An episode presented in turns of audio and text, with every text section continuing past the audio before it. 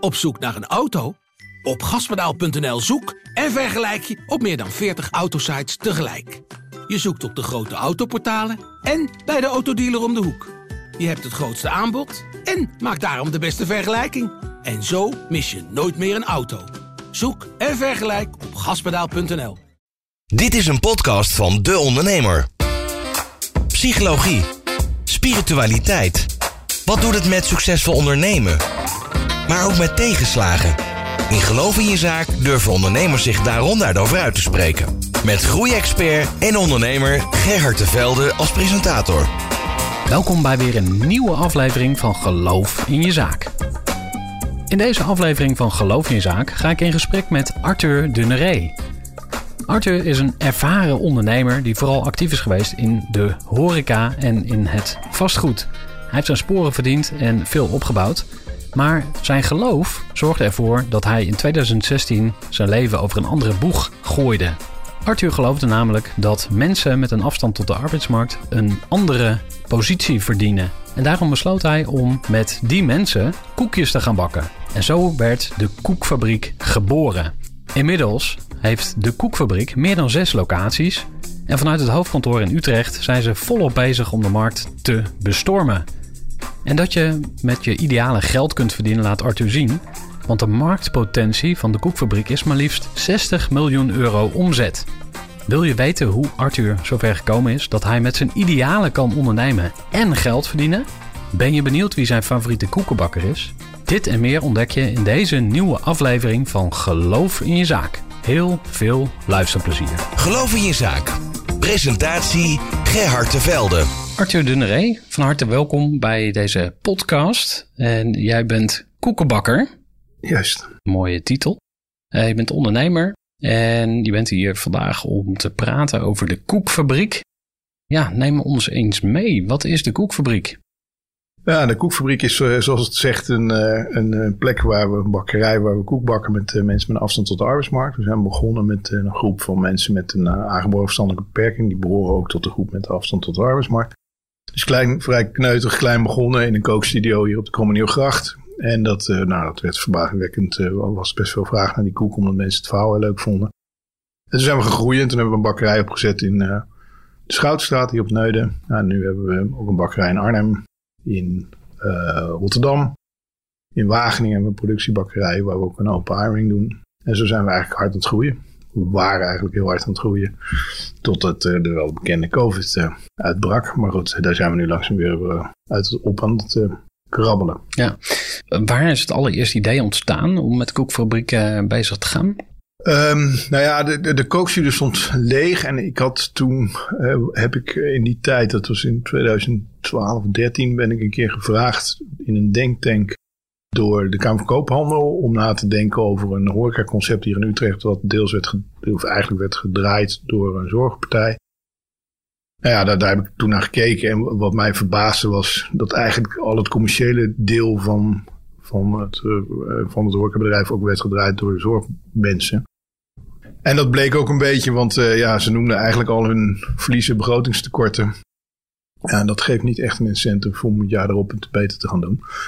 Nou ja, dat is toen doorgerold. En toen vroegen ze eigenlijk aan mij. Uiteindelijk heb ik een advies gegeven wat ze ermee zou moeten doen. En mijn hoofdadvies was dus: ik zou me niet te veel bezighouden met commerciële activiteiten. Net zoals ik me niet bezighoud met zorg. En dat is vooral omdat te veel in jullie organisatie zit dat je je verliezen gewoon begrotingstekorten noemt. En dat is niet gek, want jullie hebben gewoon een zorgachtergrond. Dus dat is een hele andere tak van sport.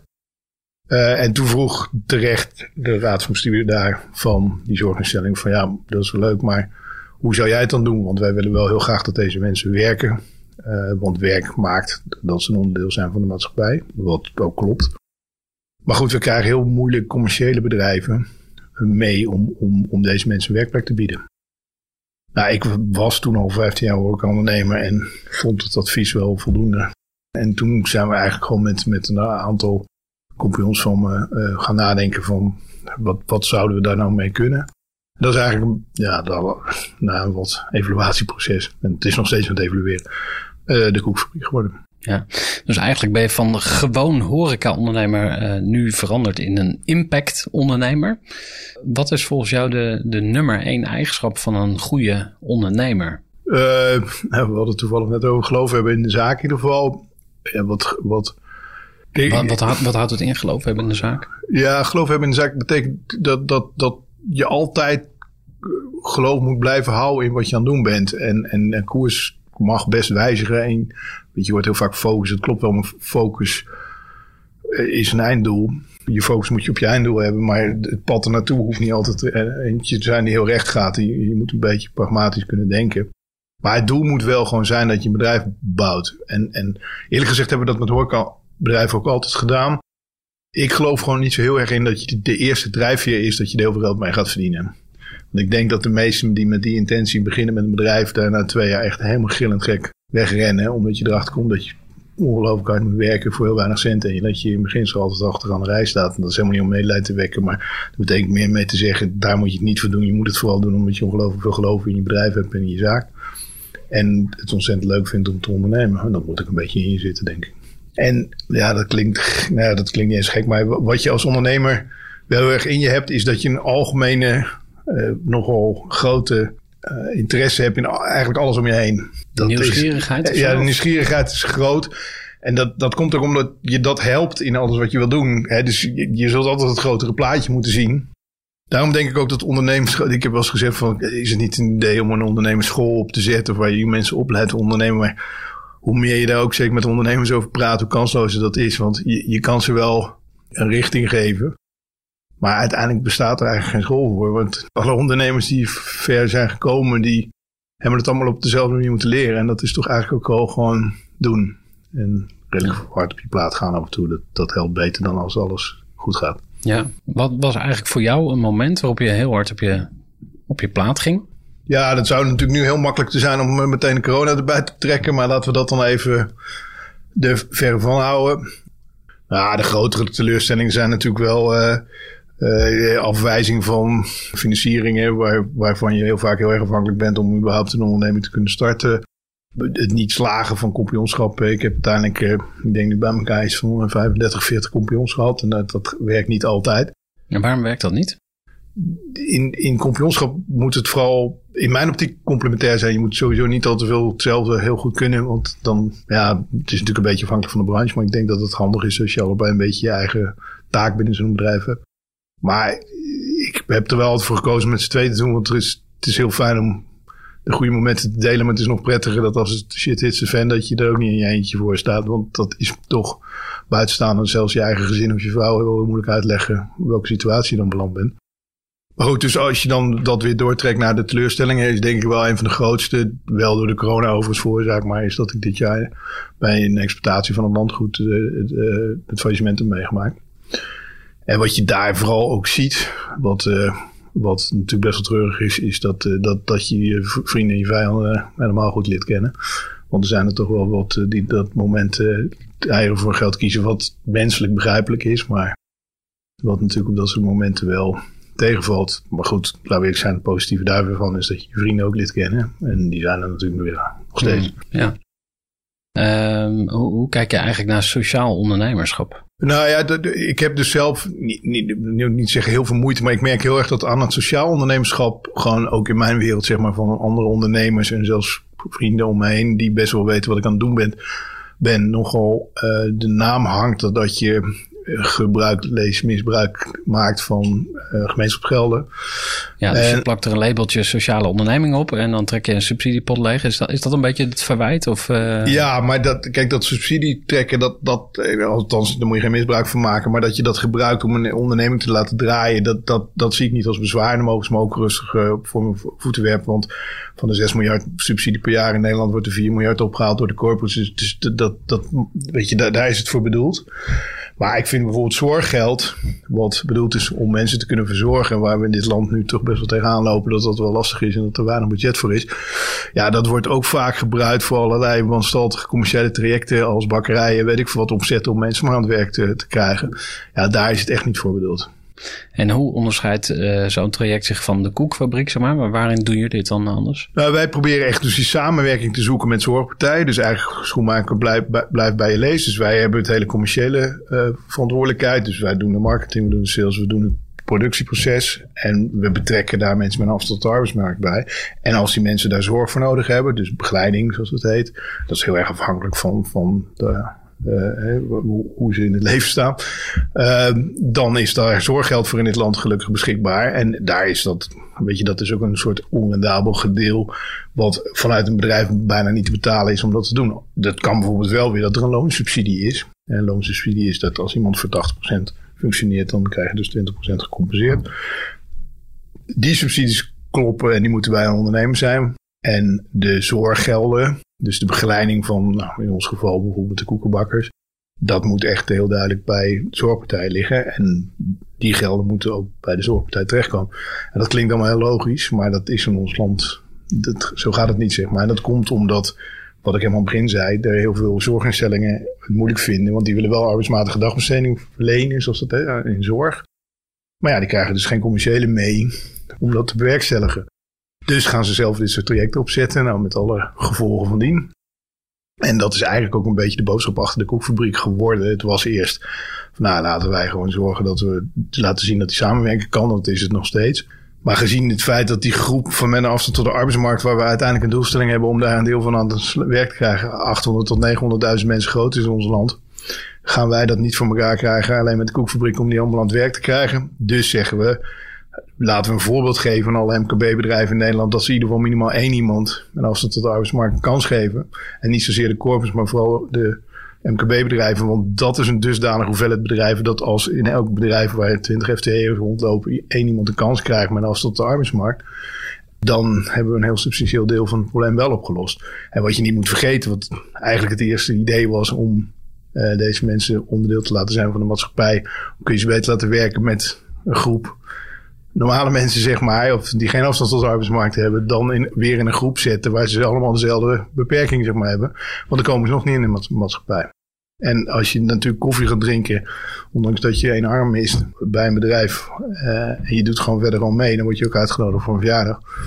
En dan ben je onderdeel van de maatschappij, zeg maar. Ja, dus het grotere geheel, en dit klinkt allemaal als dingen op een hele simpele wijze verbinden, maar het gebeurt niet. Ja, opmerkelijk. Ja. waarom gebeurt het niet? Ja, omdat ik wel ervaren heb sinds dat ik... Ik, ik ben natuurlijk best hardcore ondernemer. Want ik denk dat horeca-ondernemers best wel eh, ingewikkelde ondernemerschap eh, in zich hebben. Eh, dus eigenlijk normaal gesproken redelijk wars van... dat ik best wel afstand heb van impact sociaal ondernemerschap. Als we dat dan nog zo even mhm. benoemen. Daar waar ik dus nu zie dat als je daar toch wat meer voor openstelt... daar best wel oplossingen voor te bedenken zijn. Maar dan moeten we wel met z'n allen... Uh, bereid zijn om daar aan mee te willen werken. En daarmee bedoel ik te zeggen dat weet je, de mensen uit de verschillende segmenten die met deze doelgroep te maken heeft, dus de mensen met een afstand de arbeidsmarkt, dat zijn gemeentes, provincie, uh, corporates, uh, banken, fondsen en gewoon ondernemers, ondernemingen. En die spreken allemaal wel Nederlands, maar als je met elkaar, met ze, ze allemaal bij elkaar aan een tafel zit, dan lijkt het net alsof de een Portugees en de ander Frans spreekt en ze elkaar totaal niet verstaan. En ik denk dat ik dat ook wel in me had. Dus dan ga je aan tafel zitten om te kijken van kunnen we daar nou een oplossing voor bedenken. En dan vervolgens komt de gemeente uh, tegenover me zitten. En die begint de baas over allemaal periodes die uh, periode, tijden die dat moeten gaan duren. En dan denk ik na vijf minuten laat maar.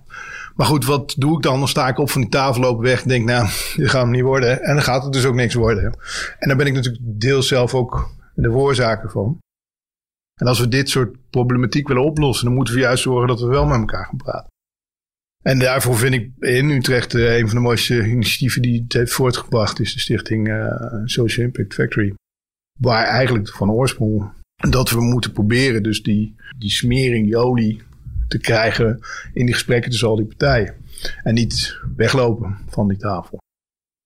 En daar denk ik van dat, hè, terugkomend op hardcore ondernemen, dat, dat, dat, dat heeft me uh, gemaakt dat ik daarna ga kijken. En, en ik, daar probeer ik dat ook anderen van te overtuigen. En, en dat doe ik natuurlijk door een bedrijf neer te zetten. Waar ik uiteindelijk hoop dat ik zoveel impact maak. Waardoor mensen, net zoals Betonis, gaan luisteren naar de boodschap die je eigenlijk wil brengen. Die achter de koek zit. Want wij maken echt wel duidelijk dat het koek alleen maar een middel is om deels een boodschap te vertellen. Het lijkt allemaal net of jullie allemaal een koekfabriek moeten omzetten en daar hebben jullie helemaal zin in. Nee, kijk nou eens gewoon naar de mogelijkheden binnen je bedrijf. Waar prima iemand aan het werk gezet kan worden met een afstand tot de arbeidsmarkt. En dat is niet altijd iemand met een zware verstandelijke beperking, want dat hebben ze dan allemaal in hun hoofd zitten. Maar ga maar na, 70% van de mensen die doof zijn, die zitten ook thuis. Ja, en dan mankeert eigenlijk 9 van de 10 keer heel weinig aan. Bijvoorbeeld, die kan, kunnen hun hoofd en heel veel goede functies invullen. Dus waarom geven ze geen kans? Ja, zeg het maar. Zie jij een spanningsveld tussen geld verdienen en met je idealen iets doen? Ja, er zit een heel groot spanningsveld, ja. Maar um, ja, dat, dat, dat maakt het lastig. Maar goed, daarom vind ik... Wat is het spanningsveld? Waar, waar merk je dat dan? je zult naar een ander, als je naar een grotere geheel gaat, naar een ander bedrijfseconomisch model moeten gaan kijken. Want als, zolang alles geënt alleen maar is op zoveel mogelijk omzet met zo weinig mogelijk kosten, dan gaan daar Spaanders vallen. Dus daar zijn we heel lang heel goed in geweest. Steeds efficiënter en efficiënter. Maar tot met dat we achterkwamen dat kunstmest misschien niet het beste is. Uh, dat, uh, dat, dat iedereen over de kling jagen, omdat ze 80 uur per week moeten werken, nou niet het beste is allerlei middelen die wij hebben gebruikt om effectiever te worden, die blijken dus niet altijd heel veel socialer te zijn en ook vaak niet, uh, niet uh, impactmatig uh, misschien wel tegen ons te gaan werken uiteindelijk. Het komt gewoon terug in ons gezicht. Nou ja, dan betekent dus, als je bedrijfsmatig naar het oorspronkelijk model kijkt, dan zeg je ja, dan gaat het dus, zouden bepaalde dingen van die anders gaat doen, ten koste gaan van je resultaat. Dat klopt. Maar dan is het natuurlijk de vraag van wat zie je als resultaat? Zie jij als resultaat wat zeker, ik denk mijn soort bedrijven, veel MKB-bedrijven, maar zeker familiebedrijven ook in zich hebben. Van ja, heb ik ook een maatschappelijke functie? Ja, die heb ik. Dus waarom zou ik mensen met afstand geen kans geven? Ja, dat zou, gaat misschien ergens wel iets ten koste van mijn resultaat. Maar wat voor resultaat krijg ik daarvoor terug? Dat ik 1, 2, 3, 4 mensen onder de laat zijn van de maatschappij. Hoeveel is dat waard? Ja, dat, dat is in geld niet uit te drukken. Dus je moet nadenken over wat voor impact heeft het buiten je dividenden. En, en, en voordat je dat om hebt binnen onze uh, bedrijfseconomische uh, wereld, dat wordt het heel ingewikkeld. Maar dat is hetgeen wat denk ik impact maakt. Alleen het geld is voor heel lang, ook in, onze, uh, in ons model, gewoon het doel geweest en niet de middel. Ja, hey, en jij komt van, uh, van goede huizen, van een goede familie, als ik het zo mag zeggen. Oud geld wordt het ook wel genoemd. Mm uh, heeft dat op een bepaalde manier invloed op jouw denken over dit soort onderwerpen?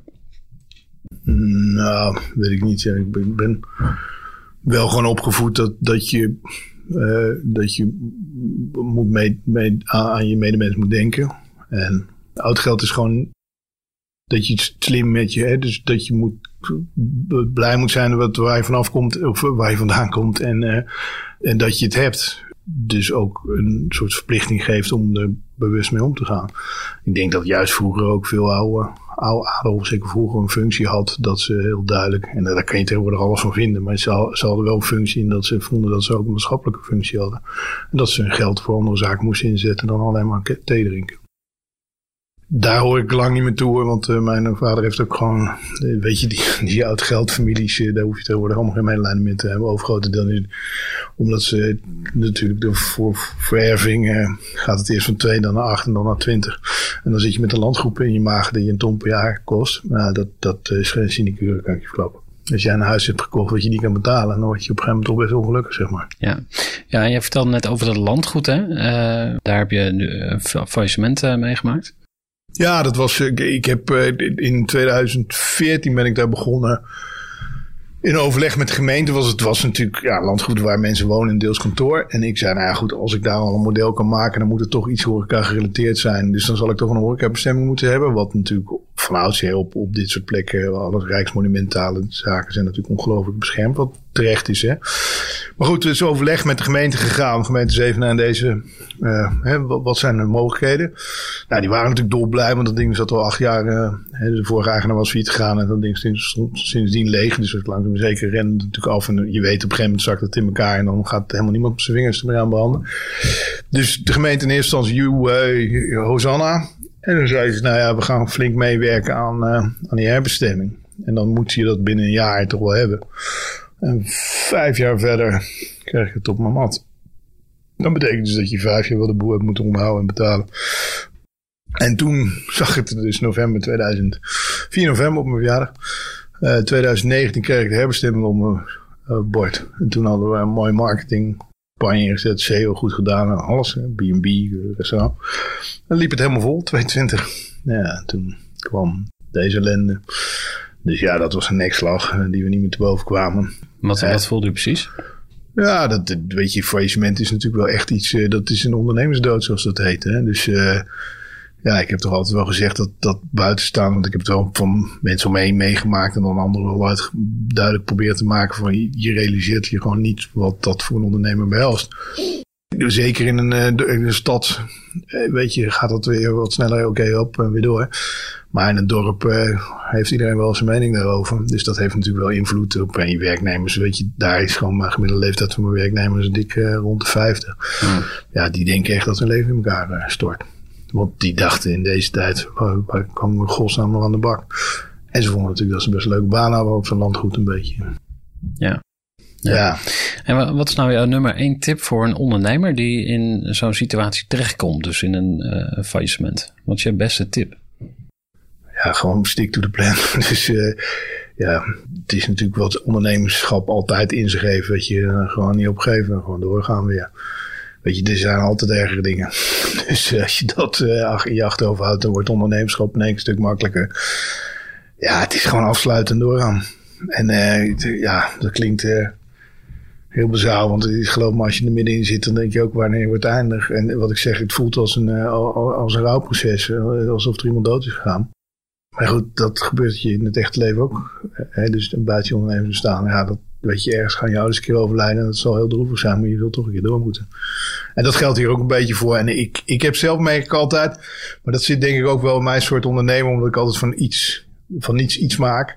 Is ja, dan, en dan heb je relatief meer tegenslagen. Want als iemand iets gaat lopen, dan is het meer bijsturen dan wat al succesvol is. Dan van de echte grote hobbels nemen.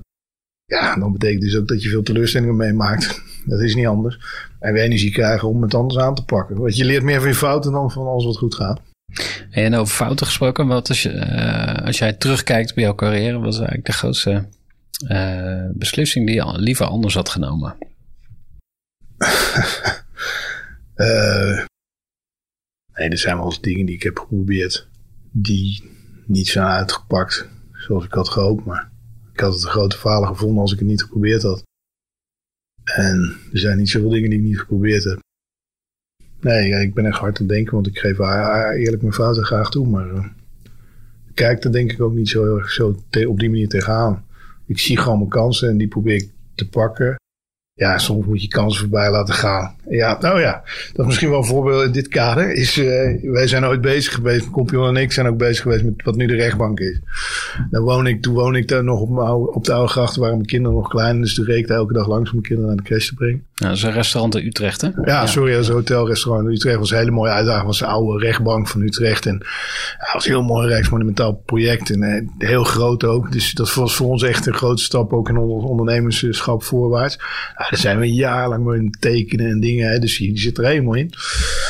Ja, en op een gegeven moment kwamen we er gewoon niet. Wij, wij zouden gewoon exploitatie gaan doen, dus zou huurder worden. En we kwamen er gewoon niet uit met die verhuurder. Die, die, die ging elke keer, dat noemen wij achteruit onderhandelen. Dus dan zei hij X en dan twee weken later kwamen we terug en dan was het wij. En, op een gegeven moment weet je, dit, dit, gaat niet meer. En je weet dan ook dat je, als je handtekening, te veel handtekeningen gaat zitten, dan gaat, ga je daardoor in de problemen komen. Omdat het ook over behoorlijke sloot met geld ging. Dus toen hebben we gewoon op een gegeven moment gezegd, oké, okay, het is klaar, we doen het niet meer. Maar ik rijd er wel elke dag langs met mijn kinderen. En mijn kinderen begrepen toen niet helemaal het verschil tussen wonen en werken. Dus die zei heel vaak dat waar ik werkte, zei ze, oh, daar woont papa ook. Dus mijn vriendinnetje snapte niks van, want ik woon in de halve binnenstad. Maar in dit geval reed ze langs en dan hoorde ik dus elke keer achteruit de auto, hé, hey, daar woont papa. Terwijl ik dus in mijn hoofd zit van dat is hem niet geworden. Maar zelfs dat vind ik niet eens. Weet je, want het is, ik ben mijn compagnon is er nog wat strakker in dan ik. Die, die kan dat echt afsluiten en er nooit meer druk over maken. Toen het helemaal klaar was en draaide, dacht ik echt van shit, hé, dat was toch wel een mooi ding geweest. Maar ja, dat kan. Toen hebben we wel Wilhelminapark gedaan en wel Slangenvecht in Breukelen. En Wilhelminapark hadden we nooit gedaan als we dingen, als we rechtbank hadden gedaan. Ik was misschien niet in dat land goed. Ja, weet je, het, het, het gaat zoals het gaat, zeg maar. Hmm, ja. Wie is jouw uh, grootste leermeester geweest? Ja, dat zijn er meerdere. Hey, het mooie van ondernemers onderling. Eigenlijk maakt het niet zoveel uit of je 24 of 60 bent. Als je met een ondernemer in gesprek bent. En of die zelf is groot geworden in de eierenhandel. En de andere in de horeca. Er zit, er zit gewoon altijd een klik in. En, en 60 tot 70 tot 80 procent van elke ondernemer, van een onderneming, komt, heeft heel veel overlap. Dus je kan ondernemerschap eigenlijk alleen maar leren van een andere ondernemer. En daarin heb ik natuurlijk een leerschool, gekke leerschool, want ik heb heel veel van mijn ouders geleerd. Maar niet ondernemerschap, want het waren gewoon geen ondernemers. Dat, dat hebben ze nooit uh, geambieerd ook. En je moet gewoon om je heen kijken van, uh, hè, zoals mijn compagnon ook zegt, beter slecht gepikt of goed gepikt dan slecht bedacht. Ja, er zijn gewoon heel veel dingen die kun je gewoon niet weten. Ik bedoel, ik wist niet uh, dat de BTW was, maar wat in nieuws wist ik niet. Nou, dan moet je het gewoon na gaan vragen. En als je dat slim doet, dan zorg je dat je heel veel vragen stelt, ook juridisch. En, en op een gegeven moment ja, dan is er een lijn dat je zegt, nou ja, nu weet ik voor 80% bijna alles van juridische zaken die om mijn bedrijf heen hangen. Dus ik kan heel veel beslissingen zelf nemen. Voor mij zijn gewoon iedereen die een mooi bedrijf opzet, in welke tak ook, die vind ik een voorbeeld. En daar kun je van elke persoon kun je iets leren. Dat maakt mensen ook interessant, zeker ondernemers. Ja, en is er een les die eruit springt voor je? Dat je denkt van, oh ja, dat heb ik uh, goed gejat. um, Ja, een van de lessen die ik wel op een gegeven moment ga doen, maar dat is ook een beetje vanuit het bedrijf wat ik zelf nog ben gestart. Maar wat ik vooral interessant vind, en daar luister ik natuurlijk nog meer naar en neem ik ook voorbeelden van, modellen die schaalbaar zijn. Laten, we, laten we daar eens op inzoomen, op een model wat schaalbaar is. Wat, uh, wat zijn de kenmerken van zo'n model? Nou ja, in vergelijking bijvoorbeeld met de horeca. Kijk, horeca kun je dan nog conceptmatig denken. Maar ik geloof heel erg dat een horeca-concept heel erg afhankelijk is van de plek waar het gebouw staat, waar je het in gaat doen. Eh, de omgeving, de mensen. dus ja, natuurlijk, Loetje heeft aangetoond dat het anders kan. Maar goed, die zoeken ook wel naar een bepaald soort plek en een, bepaalde eh, wijk van een stad of uh, centrum. Ja, want dat is een, een biefstukrestaurant. Ja, biefstuk bij restaurant in Amsterdam. Ja, en die, die zitten nu landelijk, die hebben 30 ja. bedrijven. Maar goed, dus normaal gesproken is hey, een, een horecabedrijf heeft vier muren en een bepaalde potentie in hoeveel tafels je het kan, kwijt kan. Dus altijd de max aan omzet die je kan behalen in basis als je alles goed doet. Uh, daar waar je, nou, noem maar wat, de koekfabriek. Uh, daar heb je 600 miljoen euro gaat er om in, in Nederland al aan koek, wat per jaar wordt verkocht, euro's.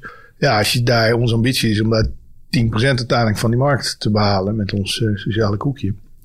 Ja, als je dat haalt, dan heb je een bedrijf van 60 miljoen. Maar dan, is, dan heb je pas 10% dus die, en dan zit je alleen in Nederland. Dus die grens ligt veel verder. Nou, ik heb een bedrijf ooit opgezet. Dat heet, krediet, dat heet Le Sportief. Dat heet die 12. Dat zit in de. En dat maakt kassas voor breedte sportverenigingen. Als Krampong en tennisverenigingen. Nou, daar hebben we 3000 verenigingen. En dat model was ook schaalbaar vonden wij. Tot met dat bleek dat in Nederland, wij in Nederland de enige land zijn in de hele wereld die zijn sport zo heeft georganiseerd zoals wij het hebben georganiseerd. Dus met een sportveld en een kantine inderdaad. Want daar zijn we echt uniek in. Dat hadden we misschien iets eerder moeten onderzoeken. Dat zal ik nu ook zeker doen. Want toen liepen we dus vast. Dus die grens die was toch wel landelijk bepaald. Totdat we het systeem ook konden gaan wegzetten bij stadions. Eerst uh, NAC-stadion, toen Galgenwaard.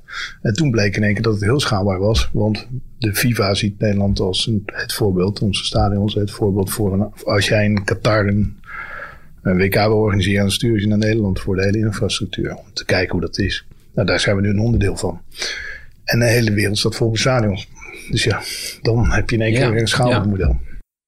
Ja, we gaan alweer richting afronding van de, van de podcast. Uh, ik ben nog eens even benieuwd als je één ding zou mogen meegeven aan de luisteraars en dan vooral aan de ondernemers, wat, wat springt er voor jou uit? Kijk, als we allemaal proberen een klein beetje impact in ons bedrijf te krijgen, dan maken we een wezenlijk verschil. En je ziet gewoon, als, als Unilever doelstellingen heeft of, of, of Shell, hè, daar kan je alles van vinden. Maar goed, je ziet hoe snel en hoe groot die slagen zijn. Nou, als jij als heel MKB Nederland, dat is nog veel groter, bepaalde keuzes maakt, simpel door kleine aanpassingen binnen je bedrijfsvoering die niet meteen verlieslatend hoeven te zijn, maar misschien een beetje druk op je resultaat, maar wat, wat zoveel impact heeft, waarom doen we dat dan niet? dus je hoeft niet allemaal sociaal of impact ondernemer te zijn, helemaal niet. Maar een klein stukje in elk bedrijf zou heel veel helpen. Want dat vind ik ook. Weet je, iedereen mag nog wat ik zei, alles van vinden. Maar als Unilever bedenkt dat ze een bepaald pakketpaaltje ergens willen slaan, dan maakt ze echt een wezenlijk verschil. Ja. Mooi gesproken, Arthur. We gaan uh, afsluiten. En ik heb een laatste vraag voor je. Stel dat we nog uh, even wat koekjes, kerstkransjes of andere lekkernijen willen bestellen. Waar moeten we dan zijn? Ja, kan sowieso via de webshop. Dat is www.dekoekfabriek.com. We zijn heel internationaal ingesteld. Nee, .nl was opgezet. En je bent zijn natuurlijk altijd welkom, zeker in stad Utrecht, om op de Schoutenstraat bij het Neuden is onze bakkerij. Daar zijn ook altijd de mensen hard aan het werk. In Arnhem op de Rijnstraat of Rotterdam op de Nieuwe Binnenweg. Daar zijn ze in de winkel gewoon verkrijgbaar. En dat is helemaal leuk, want daar zijn de koekenbakkers ook aan het werk. Arthur de dank voor je tijd. Niks te danken. Dankjewel voor het luisteren en graag tot een volgende aflevering van Geloof in je zaak. Wil je meer weten over mij, Gerard Tevelde? Voeg me dan toe op LinkedIn, dan kunnen we vrienden worden. Wil je zelf een keer te gast zijn in de podcast? Of heb je een tip voor een geniale gast? Laat even van je horen. Geloof in je zaak is een podcastserie van De Ondernemer. Voor nog meer podcasts ga je naar deondernemer.nl.